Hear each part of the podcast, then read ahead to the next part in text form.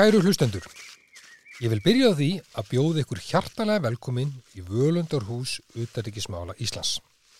Í þessum hlaðvarsp þáttum um utaríkismál er markmiðið að miðla og ræða niðurstöður rannsókna um utaríkistefnu Íslands.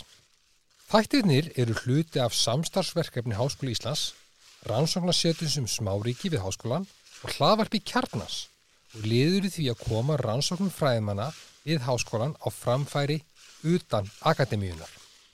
Í þessum þáttum verða rannsókninni mínar um utryggismál Íslands til umræðu. En ég heiti Baldur Þórhaldsson og er prófessor í stjórnmálafræði við Háskóla Íslands. Ég hef unnið að rannsóknum í stjórnmálafræði í hart nær þrjá áratví. Ég hef séragt mig í rannsóknum á stöðu smáríkja í Európu. Það er eða hvernig þau geta tryggt hagsmunni síðuna og láti gott að sér leiða í heiminum. Á undanförnum árum hef ég hins verið vaksandi mæli beint sjónum mínum að auðaríkistefnu Íslands. Í þessum þáttum sem verða alls sexa tölu verður fjallað um jafn mörg viðfársefni sem öll snerta grundvallar atriði varðandi auðaríkismál Íslands. Klukkutíma hlaðvarsþættir munu aldrei geta veitt heildar insýn í auðaríkistefnu Íslands. Eða síður er það von mín að þeir geti varpað tilteknu ljósi á afmarkað þætti utryggistöfnunar. Og til að geta kafað ofan í viðfóðsefnið verður einugis fjallað um tiltekin atriði sem komi hafa fram í tilteknum fræðigreinum og bókarköplum í fræðibókum. En tvær til fjóra fræðigreinar eða bókakablar liggja til grundvallar umræðu hvers þáttar. Í hverju þætti verður tveimur sérfröðum gestum um auðarrikismál bóðið í völundarhúsi. Við munum í saminningu greina efni vísindagreinarna sem þættinir byggja á. Markmið með samtalenu er að koma rannsóknar niðurstöðum á skýran og skilmerkilegan hátt á framfæri. Með öðrum orðum má segja að markmið þáttana sé að leiða okkur út úr völundurhúsi vísindalega umræðu um auðaríkismál Íslands inn á beina og breyða braud skýrar umræðu um auðaríkismál.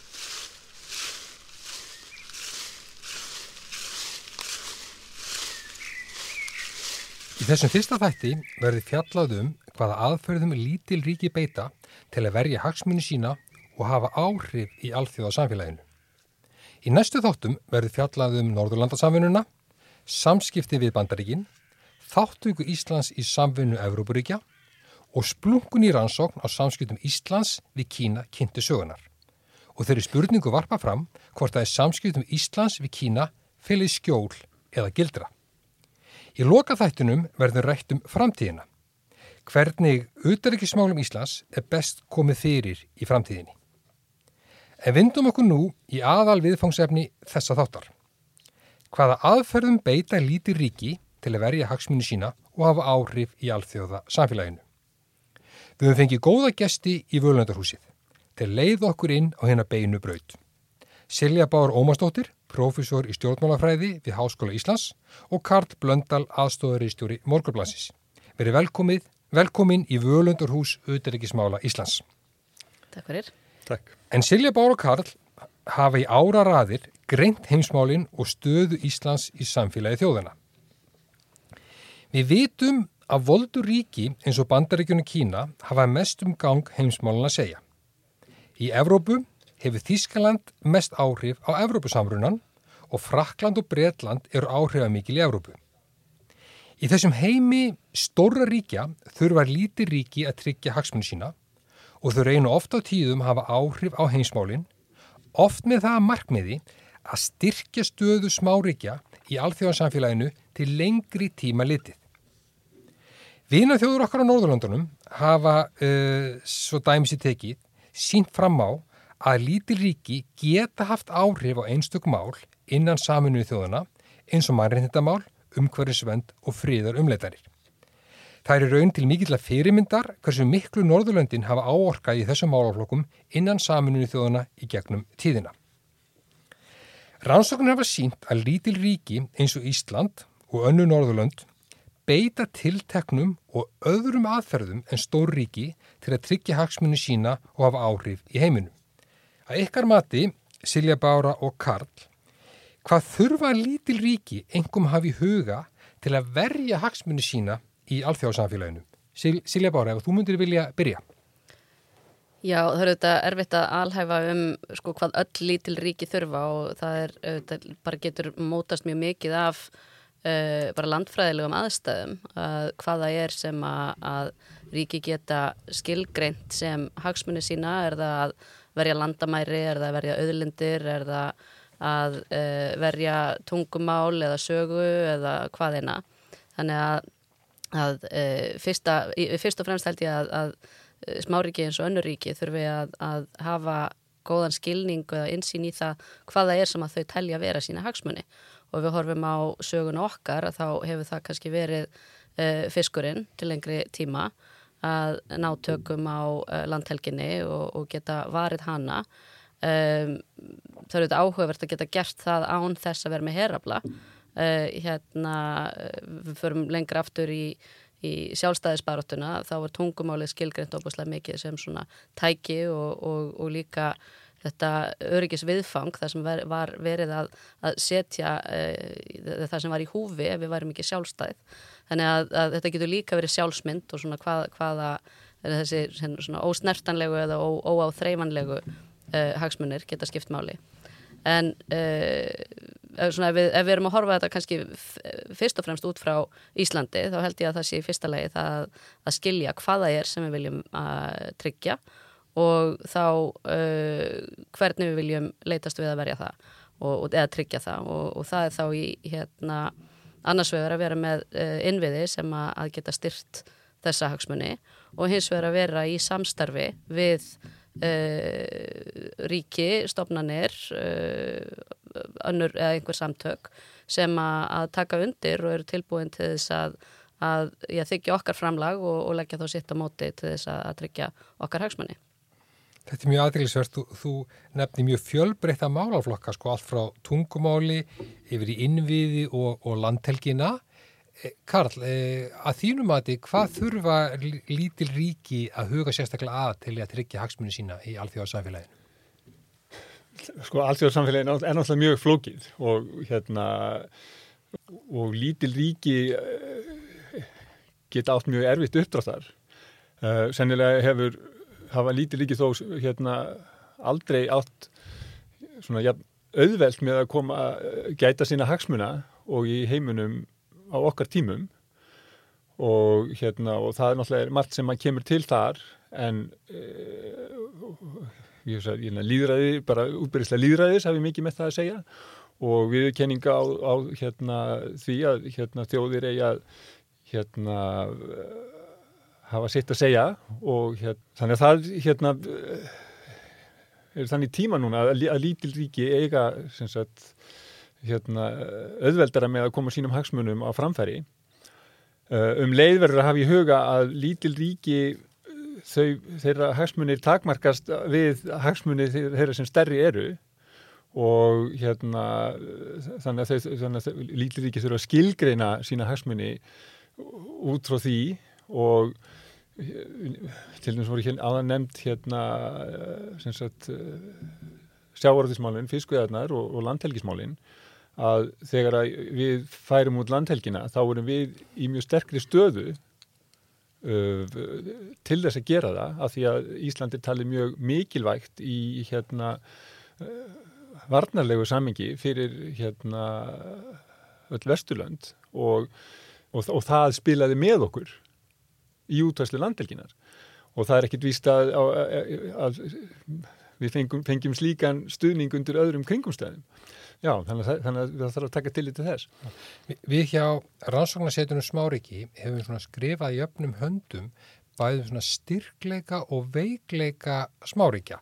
Það er svona í alþjóðlegu samingi og í tengslu við getu þeirra til þess að bara verja, verja hagsmunni sína við nú stundum fengi bátt fyrir að, að einblýna kannski e, á veikleikana en það, það er spurninga sem við langar að beina til þín Silja Bára er sko er kannski ekki í tengslu þess að þú ætti að nefna tungumál innviði landhelgina er ekki mikið vægt fyrir lítil samfélög að átta sig á sko veikleiku sínum til þess þá að rauninni að styrkja sig í sessi á allþjóða vettvangi til þess að geta síðan eh, haft meira um sín eigin mál að segja.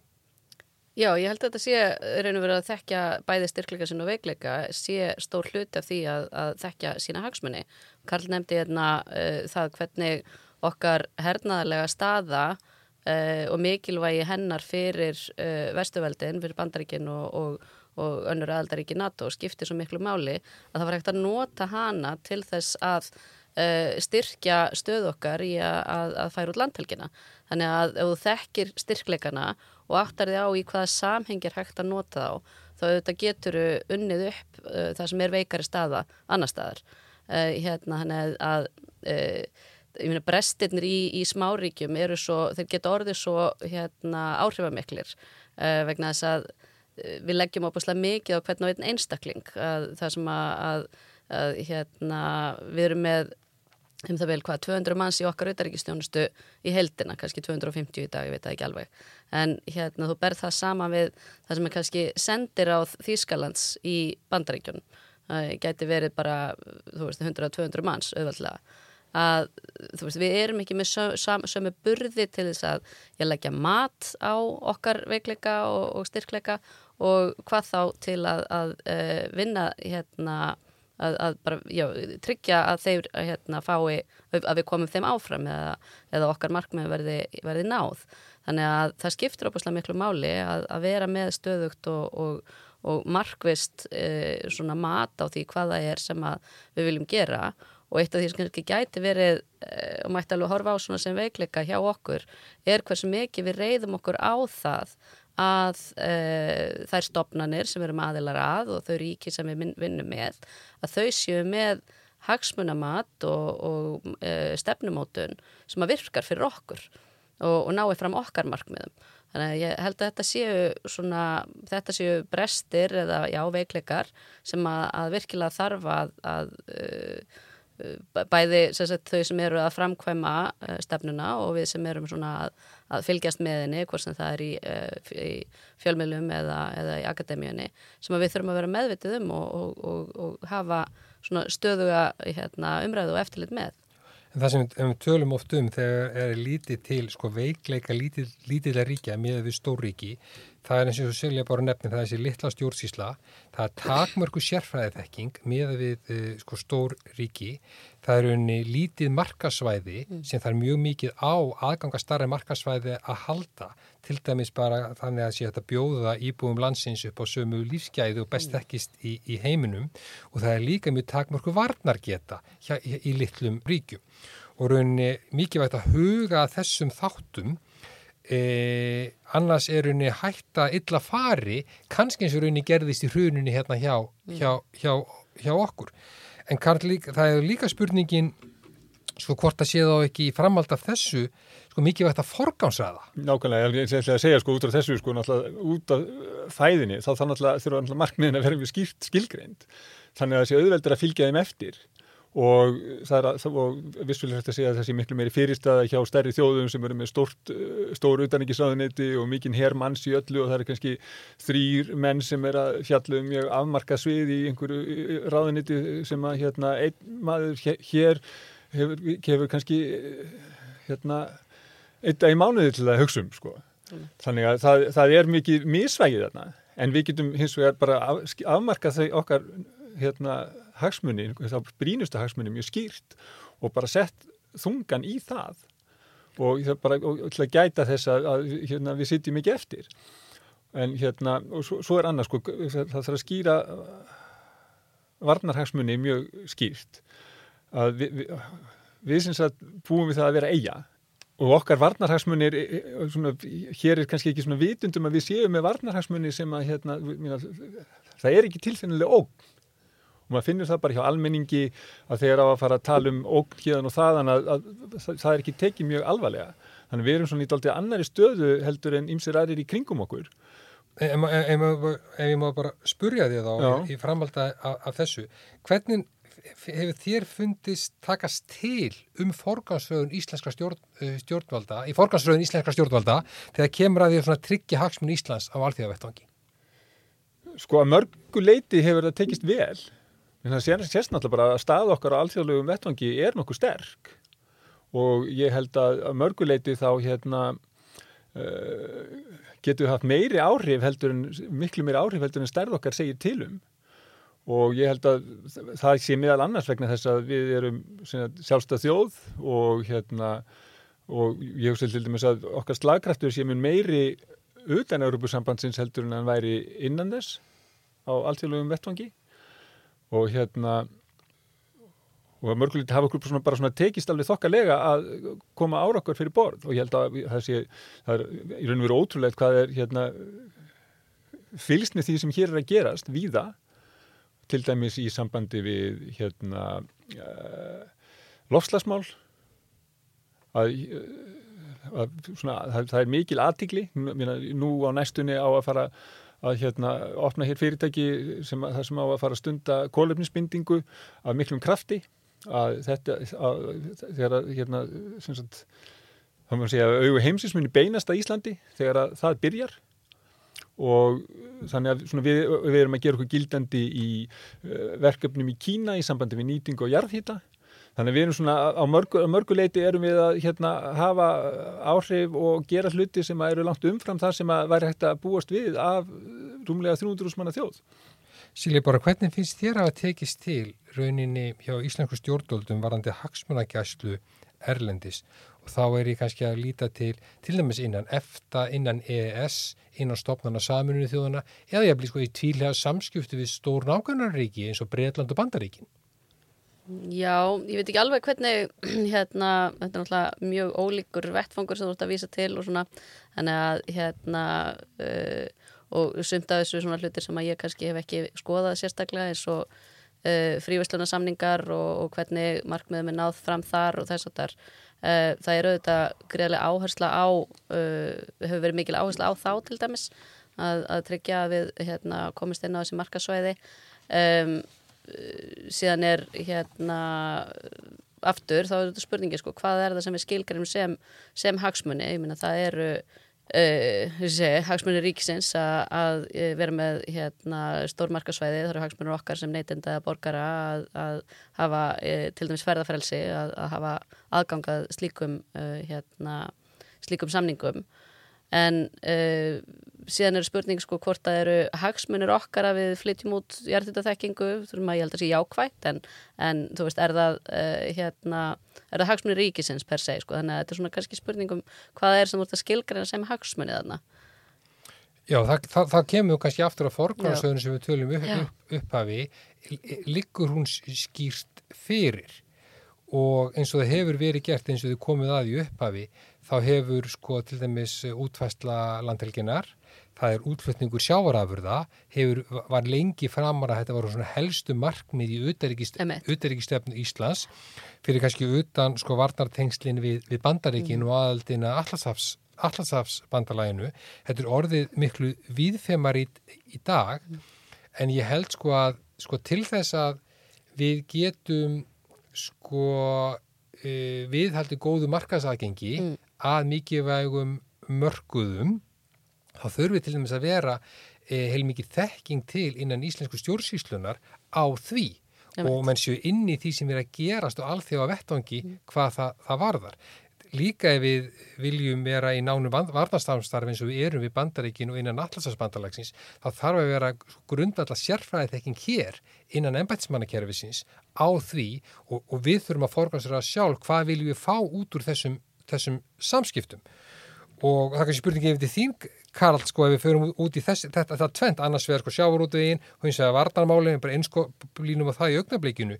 Finnst þér að vel hafa tekist til hvað, hvað þetta varð? Er Íslands stjórnveld með nú skýra stefnu hvað þið vilja fá út úr þessu og náðu það fylgin eftir? Sko, í sambandi við hérna, sjávarúðismálinn þá hugsa ég kannski að þetta bara segja hverða já við því. Ég meina, í grunninn í sambandi við auðverkispolitík þá náttúrulega eh, hlýtur markmið að vera það að þú reynir að búa þannig um hnútana að þú reynir að opna sem flesta dyr.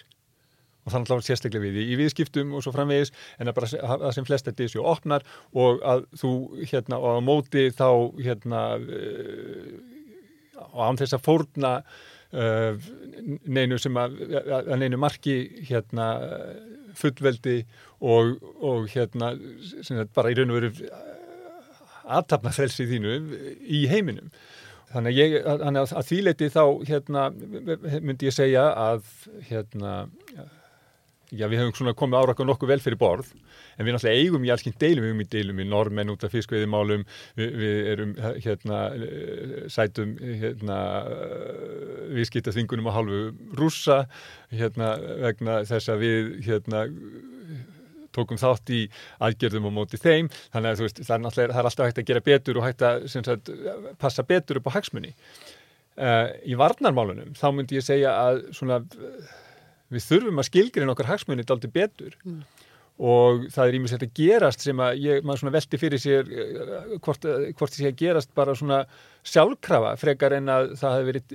svona tekið á því og, og, og, reynda skilgjörna hvert við viljum fara. Og þar vil ég til og með nefna samskipti við bandaríkjaman bandaríkjaman eru svona, fóru hérna upp úr, úr aldamótum. Og hérna og hérna og gerðu það bara einslíða og það var náttúrulega þvert á það sem að hérna talsmenn veru bandarækjumenni hér höfðu alltaf sagt að þetta væri sem sagt þó að þarna væri hérna, mesta stórveldi heims og, og, og eitt af smæri ríkjum heims að þá væri þetta samkómulag á jafningagrundvelli sem að reyndi svo ekkit vera. Og núna þegar bandarækjumenni eru aftur að hérna svona fara að aðtapna sig hérna meirinir gerða áður þá finnst mér vanta, það hefur verið skilgreint mm. hvað býr þarna baki? Hvað eh, viljum við núna fá út úr samstæði við bandarækjumenn erum við tilbúin til þess að þeir bara komi hérna inn og, og hérna aðtapni sig svona nokkur sem gett þótt að og mér finnst alveg vanta að það að veri farið ofan í þetta. Og hver eru okkar hagsmunir af því? Ja. og svo er líka bara eh, hver er ógnin Vissulega er þetta tala um það að rússar sé að fljúa hérna framhjá og svo framvegis og uh, rússar eru að býti skjaldarendur og þeir svona er að svona sína sín matt og megin og, og þeir náttúrulega eru bara þessu utan að gera mjög mikið til þess að hrista upp í vesturlöndum og hræra upp í vesturlöndum. En er einhver ógn sem að kallar á það fyrir okkur að bandarækjumenn allt í henni fara að gerast umsviða meira á Íslandi? Og ég svona sé það ekki alveg. En voru við kannski ekki búin að vinna heimavinnun okkar eh, fyrir 2006 eða bandarækja með en endanlega fara einhlega eins og segir en það var nokkulega alveg ljóst allt frá árið 1993 að þeir vildu draga verulega úr umsumum sínu hér á landi og jáfnveg loka, loka herstuðinni. Höfðu nokkuð unni þessa forglánsraðar vinnu í maður orðaðin sem svo fyrir þann tíma því að við erum unni förum ekki að stað og gerum svona öryggisamlinga við önnu ríki og förum að byggja upp svona eigin varnarstefnu fyrr en eftir þeir eru bara varnir. Já, má segja en, en svona það er maður ekki gleyma því samt að hvað sem að bandar ekki með gera, þá erum við áfram meðlumir í NATO og Þannig að þar er ákveðin kjölfesta í okkar, þannig að okkar öryggishagsmunir, þeir eru alveg hérna, uh, þeim er alveg til skila haldi þar. Og það er alveg ljóst að ef að til dæmis einhver ákvæði að hérna að segjum bara að gera árás á Ísland sem er náttúrulega mjög hæpið og ólíklegt en bara setjum sem svo að þá er náttúrulega skilda NATO að koma til varnar fyrir hendi þannig að það er ekki hægt að segja við um kastað öryggisaksmunum okkar fyrir róða en hins vegar er alveg hægt að segja að svona, við kannski sátundaldið eftir með skilgreiningu á okkar öryggisaksmunum sem að bandaríkjaman voru löngubúnir að afskrifa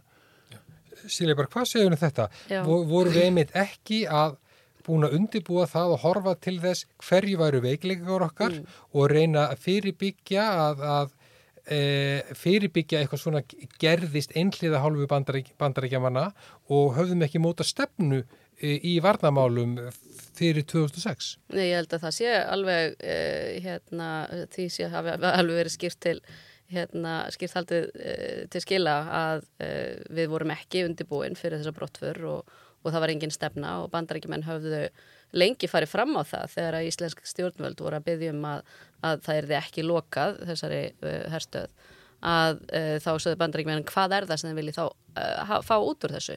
Og við höfum ekki gert það og gerðum ekki fyrir en eftir að, að herstöðum fór.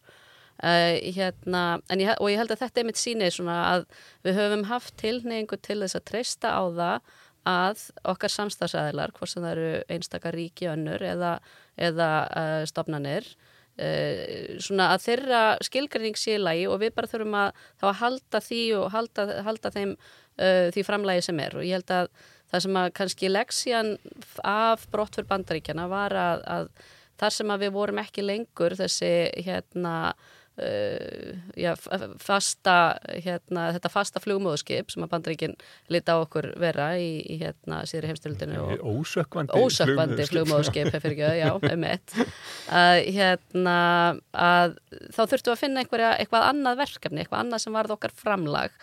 Og til dæmis þessi loftrýmiskæsla sem var sett á fót og hún að einhverju leiti var raun og veru ekki gæsla fyrir Ísland heldur framlag til NATO að hér getur komið flugherrir og fengið æfingaðastöðu yfir, sagt, í raun og veru yfir opnum sjó þar sem það var ekki sama hætta á ef eitthvað fær úrskeiðis að það erði hérna uh, að, að flugvél rapaði á, á hérna á, á, borgir eða annað eins og er náttúrulega ef þú ert að æfa yfir, yfir Evrópu.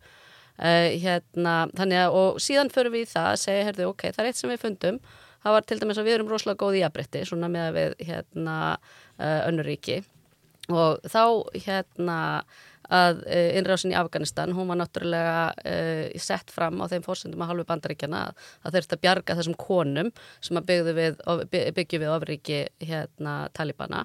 Uh, þá förum við í að segja, heyrðu, ok, við getum, við getum lagt fram jafnbritti, þannig við förum að senda hérna uh, jafnbrittsráðgjafa í gegnum NATO og í gegnum saminuðu þjóðunar uh, bæði til Afganistan og, og annar ríkja uh, en við spyrjum aldrei eða svona, gerum ekki raunveru okkar eigin mat á því hvað er verið, hverju er verið að reyna að ná fram með þessari jafnbrittsráðgjöf þannig að hérna, við stígum inn í bara þetta mat stofnunarinnar og segjum þetta er það sem við, ok, við, við getum fyllt hérna í einhvert kassa og við erum ekki sjálfstætt að meta það. Og uh, eins og ég segði á þann, ég held að það sé bara fullkominn ástæða fyrir því, við erum fámenn og, og svona, þetta er það sem að, að það eru upplýsingar sem okkur standa til bóða en það vantar aðeins upp á stundum að velta fyrir sér hvað er það sem að við erum að gera með þessu framlegi að, hvað er það sem við höfum fram að færa? Og eru þetta okkar hagsmunir eða er þetta hagsmunir uh, samstagsríkja eða þeirra stofnarnar sem við tilherum sem við erum að ná fram.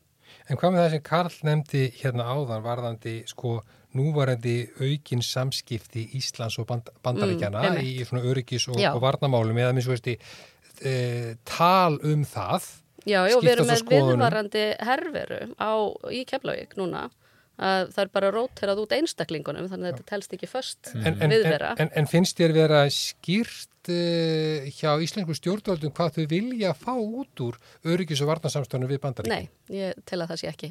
Og finnst þér það á það bara vanta eða, eða, eða og, og, og hvernig myndur við vilja sjá að þannig að þannig vinna þið framkvæmd eða lítið dagsins ljós? Ég tel til dæmis að það sé mjög mikilvægt að þingið hafi uh, sterkari aðkoma auðaríkismálum að það sé líðræðislegri hérna, framkvæmt auðaríkistefnu og þetta er uh, mjög vaksandi rannsóknarsvið í alþjóða samskiptum er að skoða aðkomu þinga uh, bæði þjóðþinga og, og Európaþingsins að mótun og framkvæmt og, og aðhaldi með auðaríkistefnu hérna, það er til dæmis einleiðin uh, hérna, já, ég, en ég tel ekki að það sé sínilegt í stefnu okkar af hverju til dæmis þessi aukna við vera bandaríkjana er fyrir okkur Uh, og já, ég held að það vanti líka á upplýsingagjöfum það hvaða er sem að NATO er að fá út úr því Hvernig sér þú þetta, Karl? Ég, þetta er náttúrulega nákvæmlega það sem ég var að hugsa þegar já. ég fór að tala með dánan sko. og ég held, og svo vil ég líka nefna því að við erum að tala um að skilgrinningu hagsmuna og skilgrinningu og því bara sem við erum að gera hverju við erum að koma til leiðar að það sem að Silja bara var að segja um Afganistan það, eh, náttúrulega atbyrðin í Afganistan undanfarnar daga og vikur þar sem að talibanar hérna, leggja landið undir sig 1 og 3 þegar þeir sjá að bandarækjumenn er að fara. Og glundröðun í framhald af því að hérna, nú vorum við búin að vera að vinna þarna með fólki sem að hérna í góðri trú og, og nú er allt í nefn þetta fólk bara, sem er orðið það hérna, mjög brútalt, bara komið með skótskífu á ennið og hérna, og, og raun og veru jafnvel í lífsættu eftir að hafa hérna verið í hérna, samneiti við fólk frá okkur, hvernig sem að því sam, samtalið hefur verið háttað. Við höfum verið að koma þessu fólki burt úr landinu með einhverjum hætti og hérna og ég held að svona, eftir þessa atbyrðu þurfum við bara að endurskoða mjög rækilega hvernig við förum inn í svona samstarf og hvað, hvað við viljum gera. Náttúrulega eina ástæðin fyrir við förum inn í þetta með þessum hætti er svo að það er alltaf verið að tala um sko hvert er framlag okkar til mhm. starfs NATO, uh, við náttúrulega höfum ekkit hernaðalegt fram að færa, við reynum að gera það með öðrum hætti Við höfum gert það með því að leggja land undir hérna bandaríki hér, við leggjum land núna undir hérna, hérna loftrýmisgessluna og æfingar og svo framvegis, en þetta er líka hluta því að við bara sínum innan NATO að við höfum eitthvað fram að færa þótt við séum ekki með hér, þó höfum ekki hernaðar burði til þess að hérna gera okkur gildandi eða, eða svona réttlæta þar sem við þykjum en hérna ég held að það þurfa svona faradaldir svona rækili í gegnum það sem er gerast í Af Afganistan og mér finnst það ekki hafa verið gert og mér finnst eiginlega þunn svör hafa borist.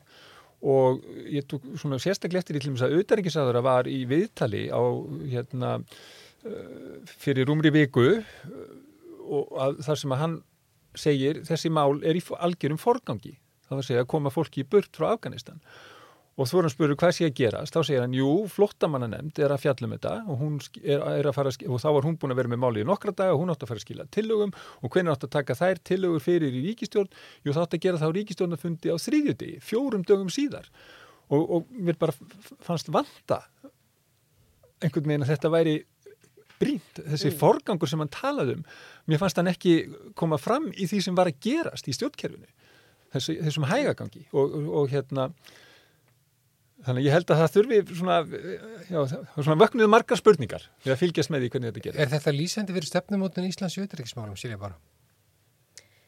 Já, það sem að, að allavega ég hef séð mikið uh, í mínum rannsóknum, það er við, við erum kannski ekki með um, við, við erum ekki með burði til þess að bregðast við uh, svona skindilegum uppákomum að hérna, við getum hugsað hvernig við ætlum að nálgast þróunarsaminu til lengri tíma, við erum með uh, markmið og, og hugmyndir um það hvernig við viljum taka þátt í EFTA og, og uh, okkar uh, starfi á Schengen og, og hvernig við vinnum að markmiðum okkur í frívæslunarsamningum en ég tel að við höfum stað okkur mjög illa í móttöku hælsleitenda og núna þessar aðstæður í Afganistan. Þar sem við tala um að við tökum á móti 120 manns en skilabóðin verðast vera allavega hingað og ég get ekki talað um hvernig fólk sem að, að starfaði með Íslandingum uh, í Afganistan móttekur sér skilabóð en hingað þá, það sem ég heyri er að þetta fólk þarf að koma sér sjálft út úr Afganistan og til Íslands til þess að, að fá aðstóð frá Íslandska ríkinu. Komin þetta, já, þetta, þetta finnst mér vera svona sína að, að við uh, svona kunnum ekki, er, erum ekki með uh, hérna, viðbræðsáallanir og kunnum ekki að breðast við uh, svona aðkallandi aðstæða. Þannig erum kom, komin inn á það sko, rauninni, hvernig lítið ríkins okkar getur tekið förmkæði og haft áhrif rauninni, á þróun heimsválega brúðist hratt við og þá langar mig einmitt sko að því að þið eru nefna þetta dæmi um, um Afganistan og stefnumótun í málefnum að bjarga, bjarga fólki þaðan.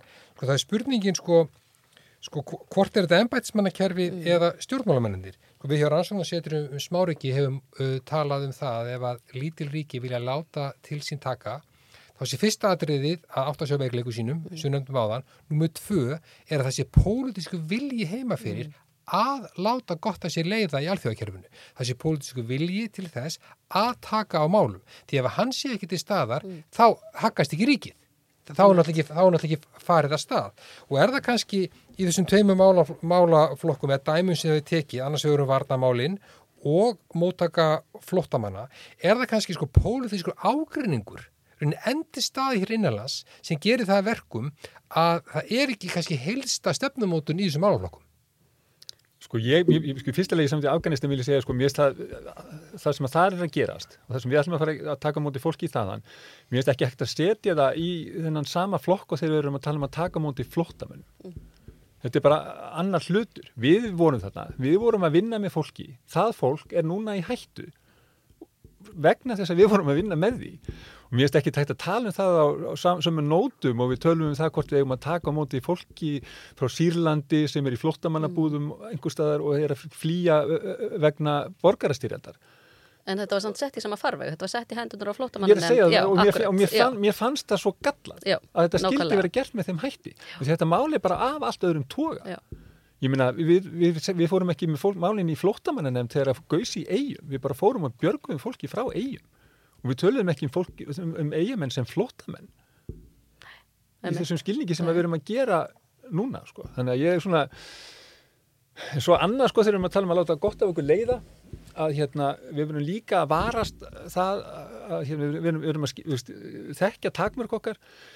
Það, við verðum að sn- og snýða eitthvað stakkesti vexti. Við verðum að fara í verkefni sem við ráðum við verkefni sem við getum hérna klárað og, og, og passa okkur á því að, að láta ekki eins og við séum að bjarga heiminum og taka ekki stort upp í okkur. Ég held að það sé líka mjög mikilvægt að setja okkur ekki háan hest láta ekki hérna að því að við, við, við, já, við þurfum bara að snýða okkur stakkist vexti. Og ég held að, að, að það sé miklu svona heiðarlegra af lítilli þjóð að, hérna, að gera það heldur en að hérna, og hugsa alltaf um hvað menn geti lært af okkur En bara, þú hefur nú einmitt skoðað það, sko, hvernig, hvað við erum að forgransa að raða, raða, til dæmis við vettum ekki saminuð þjóða, hvað málaflokkum við erum að forgransa til þess að reyna að hafa áhrif. Já, já. Hver, hver eru þessi málaflokkar og hvernig, hvernig gengur að raunin hafa áhrif í þeim?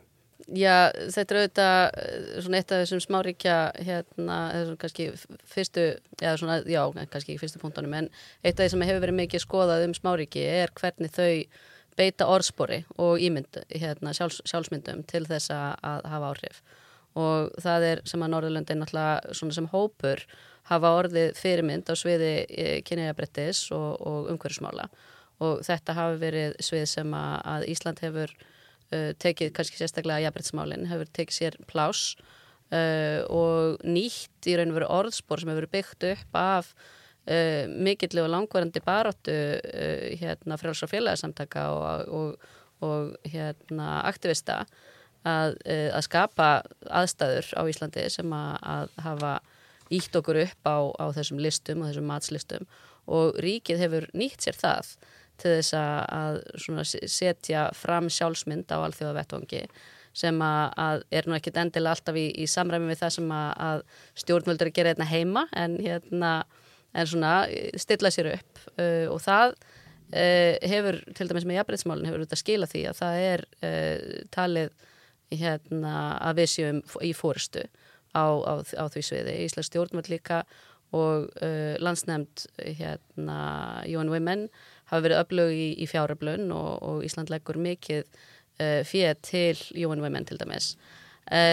Og það er sagt, ekki bara með við höfðatölu heldur bara í hérna uh, sagt, í, í, í upphæðum að, sem að, að við erum að leggja frá sagt, ekki í bundin verkefni þar að þetta er til þessari grunnmarkmiða sem að Jón Vermin uh, vinnur að. Um, svo er í umhverfsmálum hvað kom inn á í upphafi til dæmis að snemma í þættunum að, að við værum að fara í þessar kolminsbendingu eða kolminsförgun Uh, sem eru þetta vakið gríðarlega aðtegli og eitt, eitt stærsta viðfangsefni bara okkar tíma verður að, að reyna að spórna við áframhaldandi hérna hlínun jarðar. Um, og þar höfum við óbúslega gott orðspor uh, en svo erum við líka mestu umhverjusóðar sem að þannig að það, það, svona, það, það spilar ekki alltaf saman það sem við erum að gera heima og það sem við erum að, að hérna, gera út af við. Við notum meiri orku heldur en okkur önnur þjóð. En, uh, en við erum líka uh, hérna, höfum verið framalega eða erum núna að, að stífa fram með þessa, hérna, þessar aðgerðir. Þannig að það eru þessi svona uh, já það eru þessi fórista og sviði svona viðmiða og gilda sem að Ísland hefur kannski flotið með eða lengi vel flöyt með hinn um Norrlanda þjóðunum en er farið að geta sett fram sjálfstætt sem eitthvað sem við uh, hérna, tökum fyrir. Og, og eins og ég nefndi, ég minna, þetta var eitt af, af því sem við höfum verið að leggja fram til uh, verkefna NATO á síðustu uh, 10-20 árum. Það var fyrir aldamót sem að fyrst í jafnbrettsákjáðun og sendur út frá Íslandi til að starfa fyrir alþjóðstofnanir á, á erlendur gröndu og, og þetta hefur orðið okkar, okkar framlag, okkar sérþekking einhverju leiti innan, innan NATO.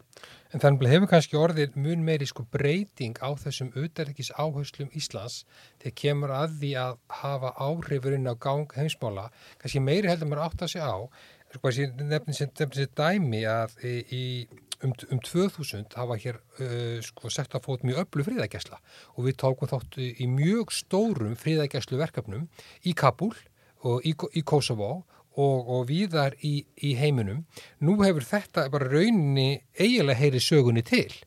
Við einnig sóttumst eftir aðvild að örgisræðu saminu þjóðana, lögðum mikið kapp á það af því varð ekki, við lutum ekki, ekki kostningu og sko, í kjölfarið sko er það bak við tjöldin þá er, þá, er sko breytt um áherslur, þá er áherslun á þessi mannréttindamál sem er að koma mjög stert inn í utaríkistefnuna að hafa eitthvað sæti í mannréttindaráðu saminu þjóðuna og við erum, sem við sátum í nýlega og við erum aftur að sækjast eftir sæti þar á tíðanbölu núna 2025-2027 og við erum að forgansraða sko málefnum réttindu kvenna, hins eginn fólks og, og, og barna.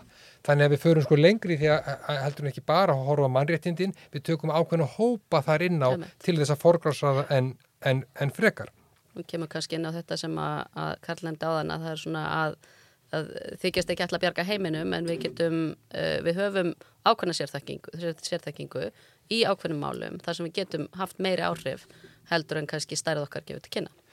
Karl, ef ég spyr þá, þegar sko þessi rauninni, sko þessi stefnubreiting eins eins, eins og ég sé hana eða áherslu breyting berum vottum það að kannski áherslunar á tíundar átöknum, nei sko á upp úr 2000 voru ekki að skila árangri eða gengur ekki upp?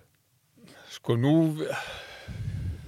get ég raun og ekki fullir hvað, var, hvað það var sem að var til þess að þetta breytist en hérna en það má kannski segja að kannski hafa einhver bara einfallega skort á sérþengingu sem að hérna, þurfti til þess, að, til þess að fylgja þessu eftir.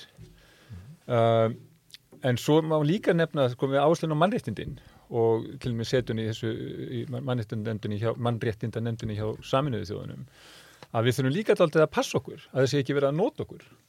Að því að í þeirri nefnd til dæmis hafa Íranir geta vaðið uppi og ýmsir sem eru kannski hérna ekki með reynan skjöld sjálfur og þegar við förum, sem, með okkar orðspor förum þann inn þá erum við að gefa kannski einsum alibi öðrum sem að fara þarna inn og eru með háreisti og eru raun og veru bara að nota ráði til þess að, nefndina, til þess að koma höggi á aðra. Þannig við þurfum svona aðeins líka að passa okkur af því að það, það sko með mannreitnindamálin það sem er svo erfitt í mannreitnindamálin með það að, að, að smæri ríki sem bróta mannreitnindi það er mjög auðvelt að beina sjónum að þeim en eftir því sem að ríki verður öflugri og voldugri þá fara menn að tippla meira í kringum þau. Og þá ekki bara við um okkur, þá við um alla. Þannig að það er mjög auðvelt að hérna, taka einhvern einræðisæra í Afríku og, og segja að þetta gengur ekki og beina spjótum á honum. En hvað ætlum við að segja við kínverja sem að setja miljónir manna í fangabúðir og hérna, kalla það endurmentun en, en, er, en er í raun og verið ekkit annað en tilrönd til þess að þurka út menningu þjóðarbróts innan Kína Hvernig á að taka það fyrir í þessari mannréttindu nefnd saminuð þjóðana? Hvað alltaf Íslendingar að gera í því? Þannig að þegar við förum inn og ætlum að segja eitthvað að, að þetta er mannréttindu nefnd sem á að taka á öllu en hún mun ekki taka á öllu. En, en finnst þér að vanta að skýra stefnumótun hér á landi eða, eða, eða skýrar framsetningu hjá ráðamönnum? Það sem ég er í raun og verið bara að segja að þarna, veist, að við erum bara að passa að láta ekki nót okkur. Sérlega bara, þú hefur mikið skrifað rauninu um, sko, og, og, og kent um samlingatækni mm -hmm. í alþjóðarsamskiptum og sko ef við byrjum aftur, sko, þú þarfst að horfa aftur á veikleikuð þínu, þú þarfst að forgánsraða e, þú þarfst að forgánsraða e, vita hvað þú vilt e, það þarf að vera pólitísku viljið til staðar. Svo kemur náttúrulega að því að semja. Mm -hmm. hvort sem það er, er um sko eiginhagsmunni eða eins og ég kalla að láta gott að sé leiða eins og menn sjá það sjálfur, sjálfur sko. Hvaða samninga er beita smáríki annari samningateknum stóríki? Um, sko ríkin náttúrulega beita í sjálfur sér ekki samningatekni heldur einstaklingar. Hérna það geta verið uh, svona uh, einkenni sem eru bundin við fulltrúa tiltekina ríkja eða eru meira áberandi hjá þeim heldur en öðrum. En eitt af því sem að, að uh, á þeim rannsóknir sem að, að ég, og kannski mínu nefendur sem hafa verið að skrifa um þetta sem hafa kannski verið að taka viðtöl við okkar uh, samningafulltrúa uh, þá er eitt af því sem að, að kemur alveg skýrt fram og það er að það er svona þessi uh, hérna, félagslega hlið skiptir greiðarlega miklu máli og þetta kemur að uh, því sem við erum búin að ræða á nokkur sinnum sem að er smæðin uh, að hversu fáir einstaklingar eru hér og hversu umfangsmikil svið eh, og breið svið það eru í raun og veru sem að hver og eitt þarf að hafa þekkingu á.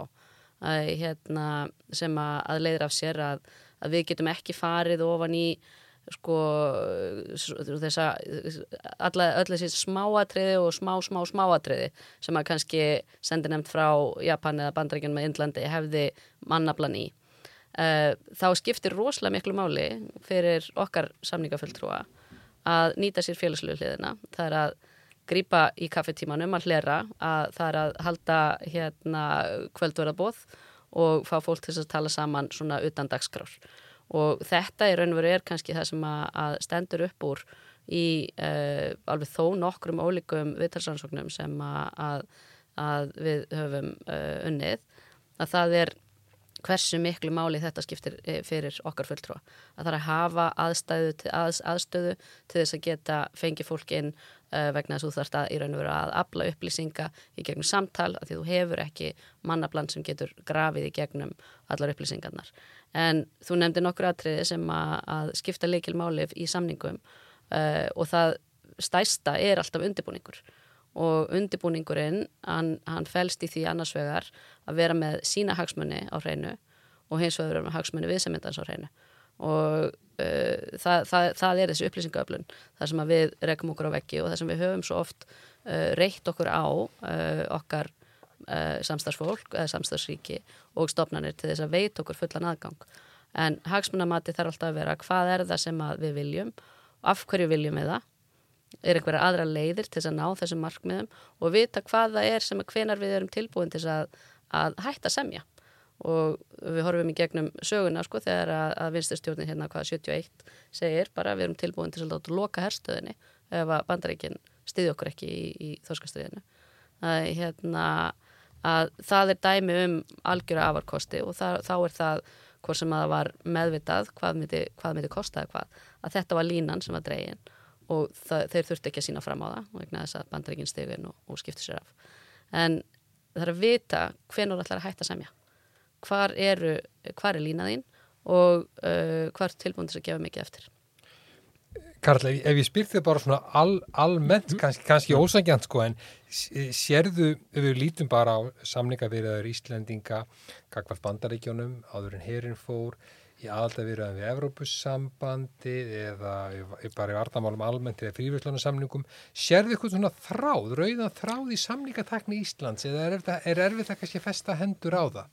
Já, ég átta mig nú ekki á því sko satt að segja hérna, ég veit ekki alveg hvað ég á að svara þessu það sem er, haldið hérna rétt sem Silja bara segir sko hérna Það er mikilvægt að koma á sambandi, koma á einhvers konar trúnaðarsambandi og, og gera það með einhverjum hætti. Þú ætti líka að vita, sko, þekkja líka hagsmunni þess sem þú ætti að semja við. Að því ofta er þetta viðræður þar sem að fleiri, hérna, þar sem að margir sitja við borðið og þú þarf kannski að vita, það er kannski eitthvað mál sem að skiptir okkur litlu máli.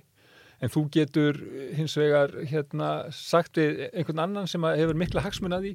Veist, þetta hérna er þetta litla mál hjá okkur, það er mjög mikilvægt fyrir okkur og rosalega mikilvægt að því að það er svo stór hlut af okkar hérna, eh, efnahag. En þetta er eitthvað sem skiptir ykkur engum máli. Við getum hins vegar stutt ykkur í þessu. Þetta er líka þetta sko, hvað er hægt að, er hægt að láta á móti hvernig getum við eh, byggt upp hérna, hérna gett okkar hagsmuna með því? En, en við spurningunum sem þú spyrir þá verður ég eiginlega bara að segja ég verður eiginlega bara að segja pass sko. En þetta er hérna nefnilega þessi punktur með sko að gefa eitthvað eftir sem að hjálpar öðrum. Og ég held að þetta sé eitt sem að svona, að Íslenska ríki hafi haft tilningu til að telja að við getum náð fram betri samningum með því að semja uh, sagt, ríki við ríki fyrir ekkar heldur en að fara í gegnum uh, stærra samflott að það er einhver svona hugmyndum að við náum okkar markmiðum betur þannig. En þetta er í raun og veru besta leiðin til að semja. Það er að semja í stærri eh, potti þar sem þú getur nýtt ólíka veikleika og ólíka styrkleika og komið til móts við uh, hérna að þess að uh, Breitland fær eitthvað frá Fraklandi sem að fær eitthvað frá Íslandi sem fær eitthvað frá Íslandi og síðan tilbaka að, hérna, að það í raun og veru auðveldar Uh, hérna, auðvelda samningana að það séu fleiri staðir sem hægt er að gefa eftir heldur en að það sé að bara við séum að semja við Fraklandi eða Breitlandi eða eitthvað þessu þar sko. Það, það er gott ef þú kemur inn á þetta en mér langaði einmitt núna eins að fjalla um sko, skrif okkar hjá rannsóknarseturum smáriki hér við háskólan um skjól um það, það sem við sjáum það það sem er mikið vekt fyrir smáriki að njóta skjól sko starri ríkja og alþjóðstofnana og við þá höldum því fram í þessum fræðigrunum og bókum að lítil ríki eins og Íslands, Ísland þurfa pólitísku, efnaðarslegu og samfélagslegu skjóli stærri ríkja og alþjóðastofnun að halda til að blómstra og verja hagsmunni sína.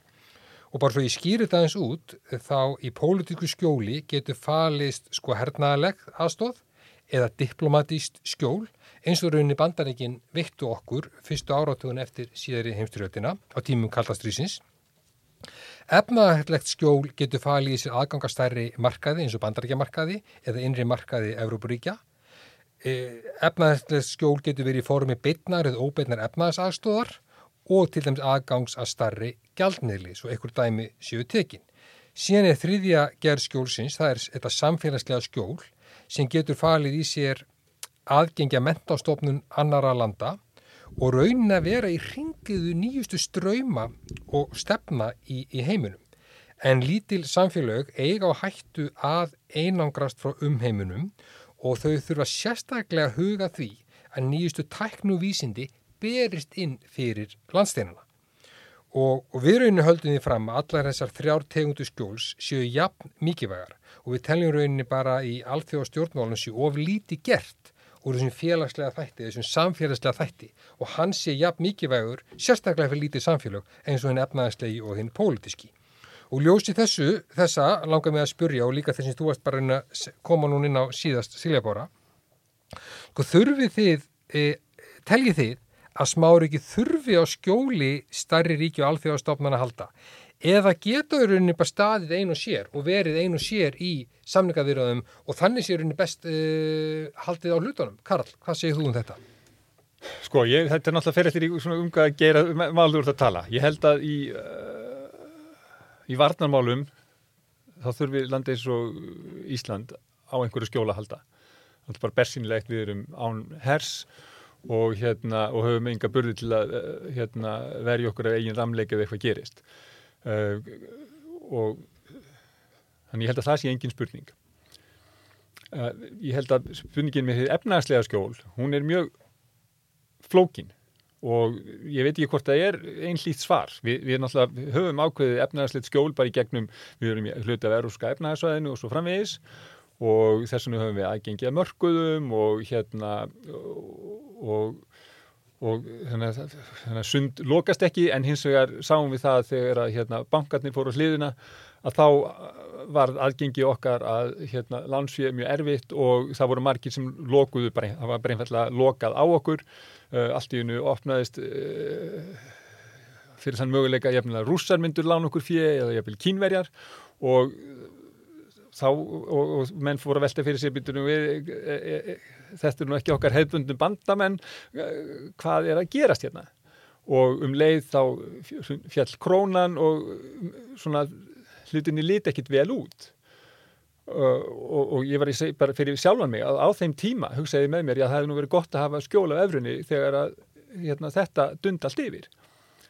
En síðan í framhaldinu, þegar maður sá hvernig hlutirni á, á jæðri Evrópu, á jæðri Evrópusambatsins, þegar maður sá hvernig hlutirni þróuðust í Greiklandi, hvernig ástandið var á Ítalíu og Spáni, þar sem að atunleysi fór upp úr öllu valdi og, hvernig, og maður sér hvernig ástandið er enn á Greiklandi og hvernig Greiklandi er einhvern veginn bara fast í hérna, spennitreyju skulda, þá ég að hugsa með með sér, já, ef, að, ef að við hefum verið þarna, ekki haft krónuna sem að gera okkur kleift að komast svona hratt tilbaka, hvar stæðum við nú?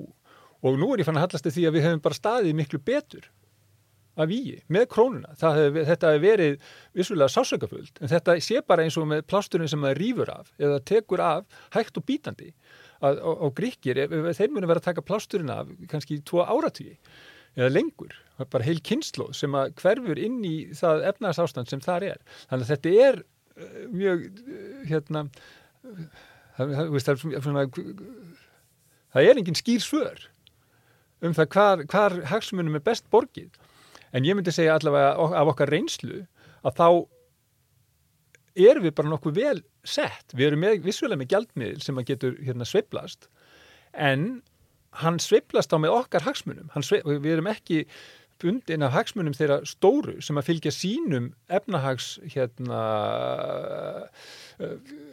forgangi og láta það ráða þannig að þeir sem eru á jæðrinum gjalda fyrir það heldur hérna erum við með gjaldmiðir sem vissulega, sem vissulega kostar en er þó meira í takti við þær efnaðarsveiflur sem, sem eru á Íslandi.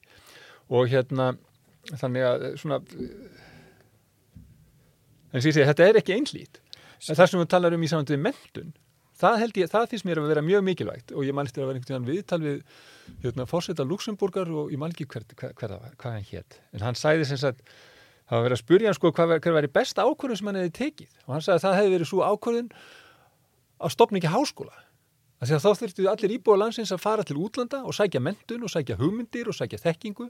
Og þeir kemur með hann öllum áttuminn til landsins. Og þetta tryggði það að atvinnulífið og hérna viðskiptarlífið og hérna bara tryggði fjölbreytni. Og hérna ég held að það sé alveg rétt, við þurfum að fá hérna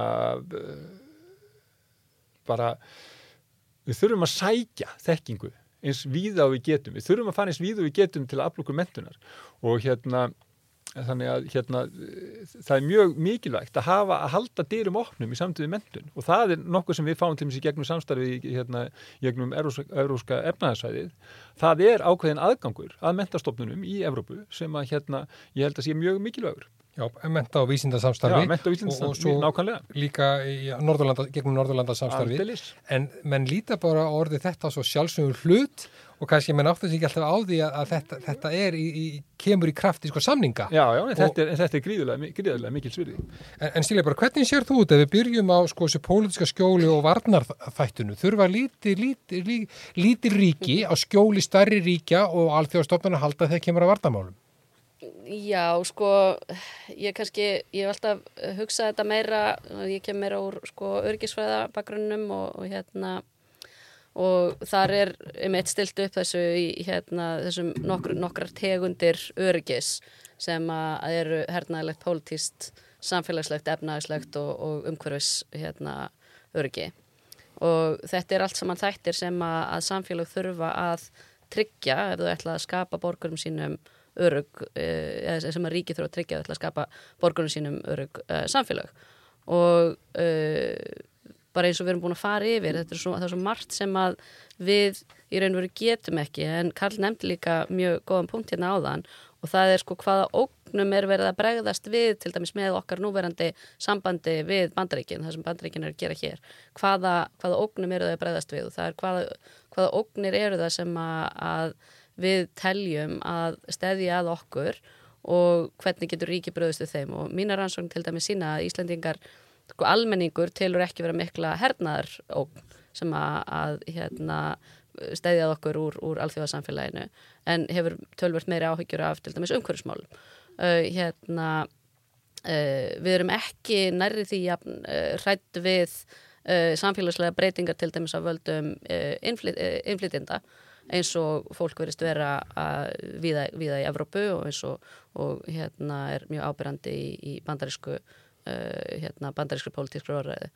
Þannig að svona hvað er það sem að, að við getum fengið hvernig, þú veist hvað er það sem ríki sjálf getur veikt og hvað er það sem það þarf að gera í samstarfi við aðra.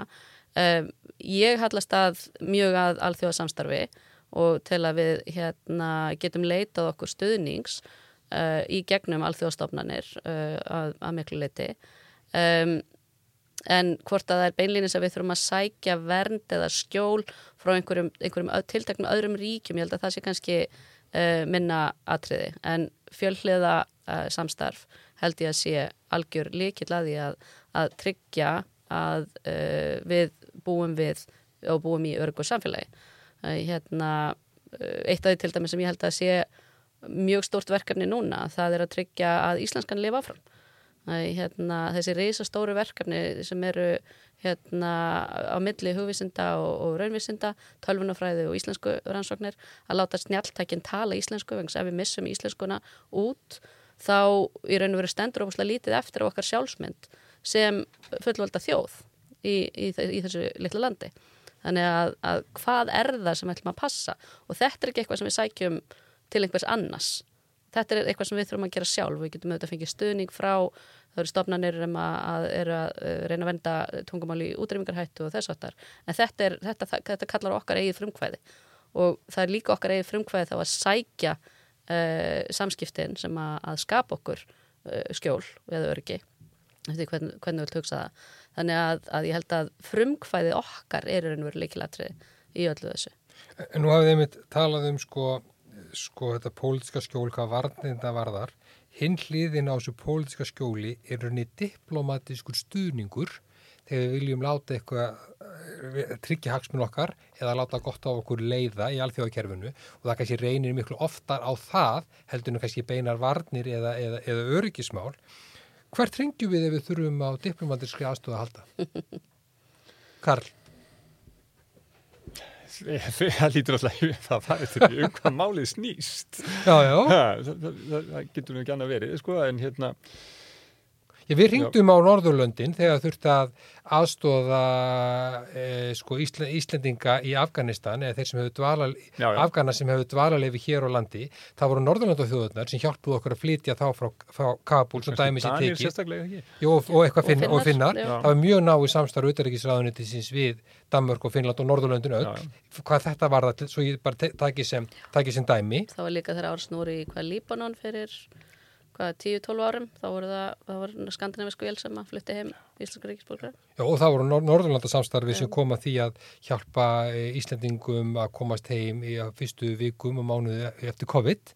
Þannig að sko raunin er fyrst svona kontaktpunktur okkar ef maður maður sletta eru Norðurlöndin oftast nær í, í, eðlilega, í, í já. alþjóðasamvinnu. Já, Er, er, er það? Já, ég held líka að, já, ég held að það sé hérna okkar fyrsta og, og líka uh, ef við að, ef við erum að fara að lenda í klandri uh, á allþjóða vettvangi þá held ég að fyrsta, uh, hérna, okkar fyrstu, fyrstu símtöl séu til norrætna, uh, hérna, uh, norræna ráþæra á því sviði að leita eftir stunningi á allþjóða vettvangi að, hérna, eins og við reyndum eftir hrun, það var svolítið skellt á okkur þá, hérna, En já, ég held að það sé svona fyrst að lengi vilja auðvitað að koma hernaðamálum, varnamálum, þá voru það bandaríkin og auðvitað sögur af því þegar að, að átt að uh, hérna í aðdraganda þess að herstöðinu var lokað að, að ráþeirar hér töldu sig geta bjarga því með beinu símtali, það er þessi félagslegi, þessi félagslega hlið samningana að heyra í vinum inn í, inn í kerfinu að telja að, að einstaklingar inn í stærri kerfum hafi jafn mikil, mikið að segja eins og einstaklingar inn í minni kerfum. En En þetta ég Svo held að ekki líka sagt Bandaríkin að á svona- þeirra bandaríkjana hafi ennþá verið hérna, bitur út Íslendinga eftir að hann var, var í samlingarnir fyrir Nixon. Það þurfti eiga við Íslendinga í hérna, að En eins og við komum kona, koma á í síðari þá, þáttum í, þessari- í þessari röð, utryggismála röð, það er að þegar kemur svona lauruglusamvinnu og svona almennum öryggismárum sem ekki lúta beint að landvörnum, þá er, er það sko sam, lauruglusamvinnu innan sjengan Já. sem skiptir verulega miklu máli. Vegabréfið. Samvinna sko landhelgisgæslunar við sko flotan e, í Noregi og, og Danmörku sem skiptir verulega miklu máli. Þá eru Evrópuríkjana komið ykkur sterkar inn þegar kemur að, að, að samvinnu eins og við sjáum það í já, líka skjóli. við landhelgisgessluna bandarísku, eða ekki? Jú, einhver, einhver Já. mæli en, en, í- en í me- megin að en sko mest er samvinna sko við danska, sko, danska flotan og þann, og þann norska sko, raunin bara að eftirlit á hafinu kringum, kringum landið. En, en Silja bara var þetta efnaðslega uh, uh, skjólið, sko við raunin höfðum ekki, höfðum ekki skjól Nei. í, í hruninu. Uh, svo maður deilum það eins og við höfum kannski verið að ræða hvort að við þurfum þess eð, eð ekki en erum við ekki á nákvæmlega sama stað stödd í dag og við vorum fyrir hrun ef það er því hér annar hrun og ég vil aftur spyrja hvert á að ringja hvar á að leita eftir aðstóð því ríki Já. geta þurft aðganga fjármagni sko á staðunum eða þurfa, þurfa efna þess aðstóð að halda og hvert er hringt? Já, ég held að það sé eitt af, eitt af því sem að, að við erum ekkert sérstaklega flinki í, það er að læra reynslunni.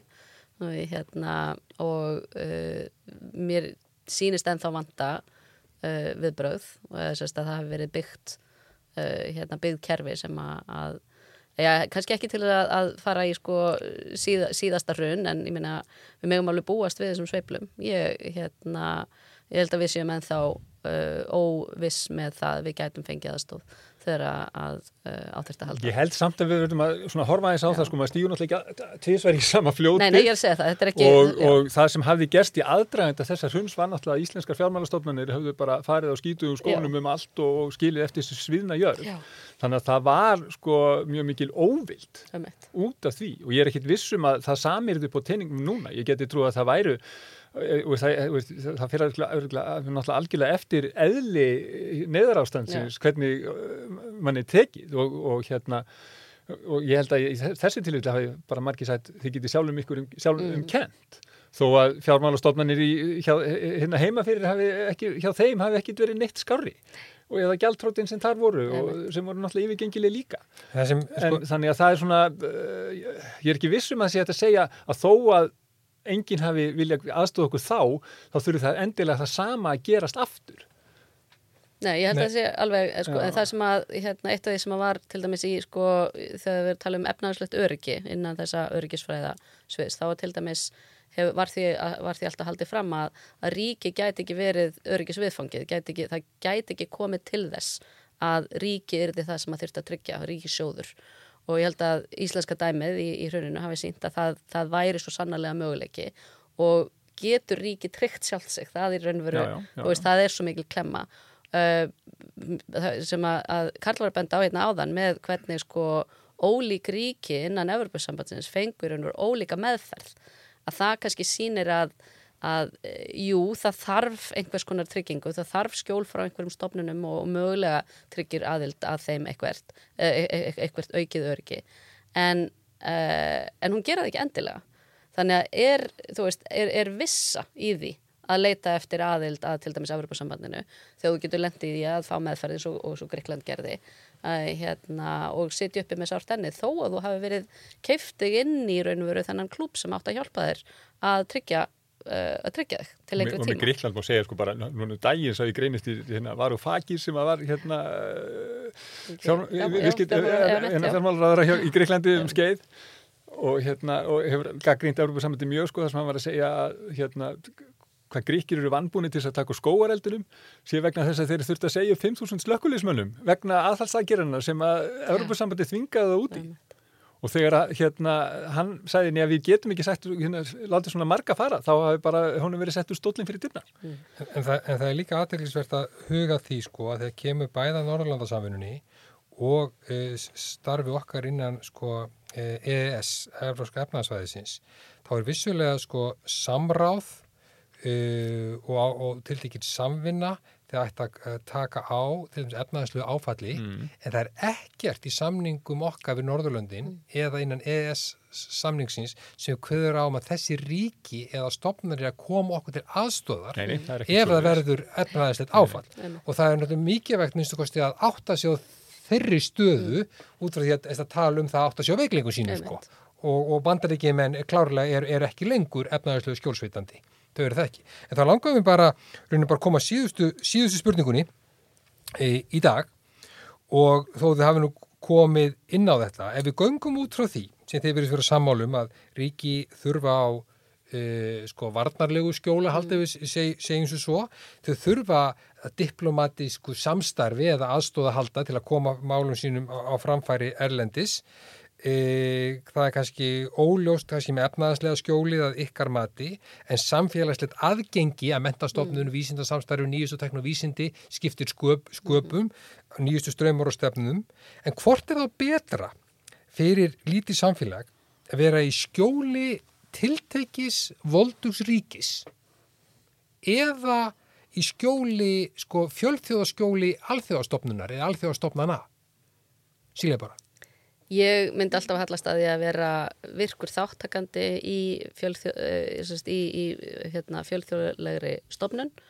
Eh, það þarf ekki að vera einn sem að, dekka þetta alls saman en fjölþjóðlegt, uh, margbreytilegt samstarf held ég að ég sé, held ég að sé betri leið heldur en að, að treysta á einhvern einn bandamann sem að eitt að tryggja uh, já, eða eitt að gæta hagsmuna þina í raun og veru fyrir þína höndi að tryggja, tryggja þá gagvart þér það, það væri það sem ég myndi kjósa.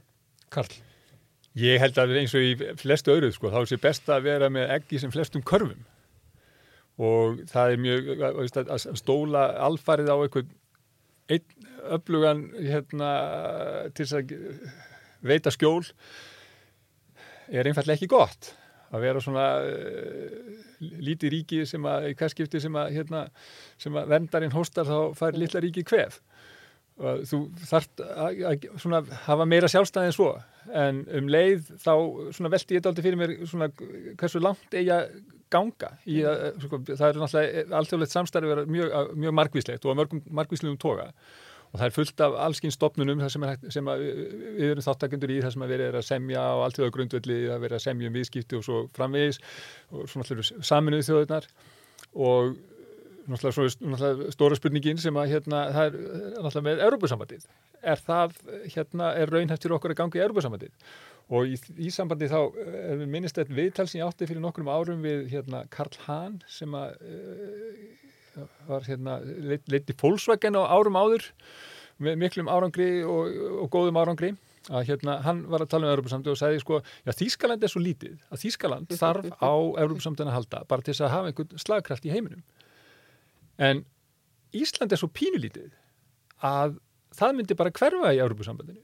Þið eruð að fá miklu meira út úr því að vera sjálfstæð þjóð utan bandalaga eins og Európusambandsins heldur við fengið nokkuð tíman sem 2008. ríki Európusambandsins og hann sem sagt vildi meina að það væri mjög varasamt, sérstaklega núna að hérna, væri svona mikil óvissum það hvert Európusambandi stemdi að, að fyrir Ísland að hugsa um að sækjum vingöngum.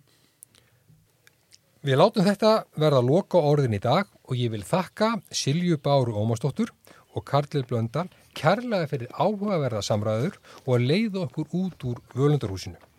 Næsti þáttur fjallar um tækifæri og áskoranir sem felast í þáttöku Íslands í samvinnu Norðalandana. Þeirri spurningu verður meðal annars varpa fram hvort að Norðalandasafinnan hjálpi verulega til í stjórnun Íslands. Veriðið sæl.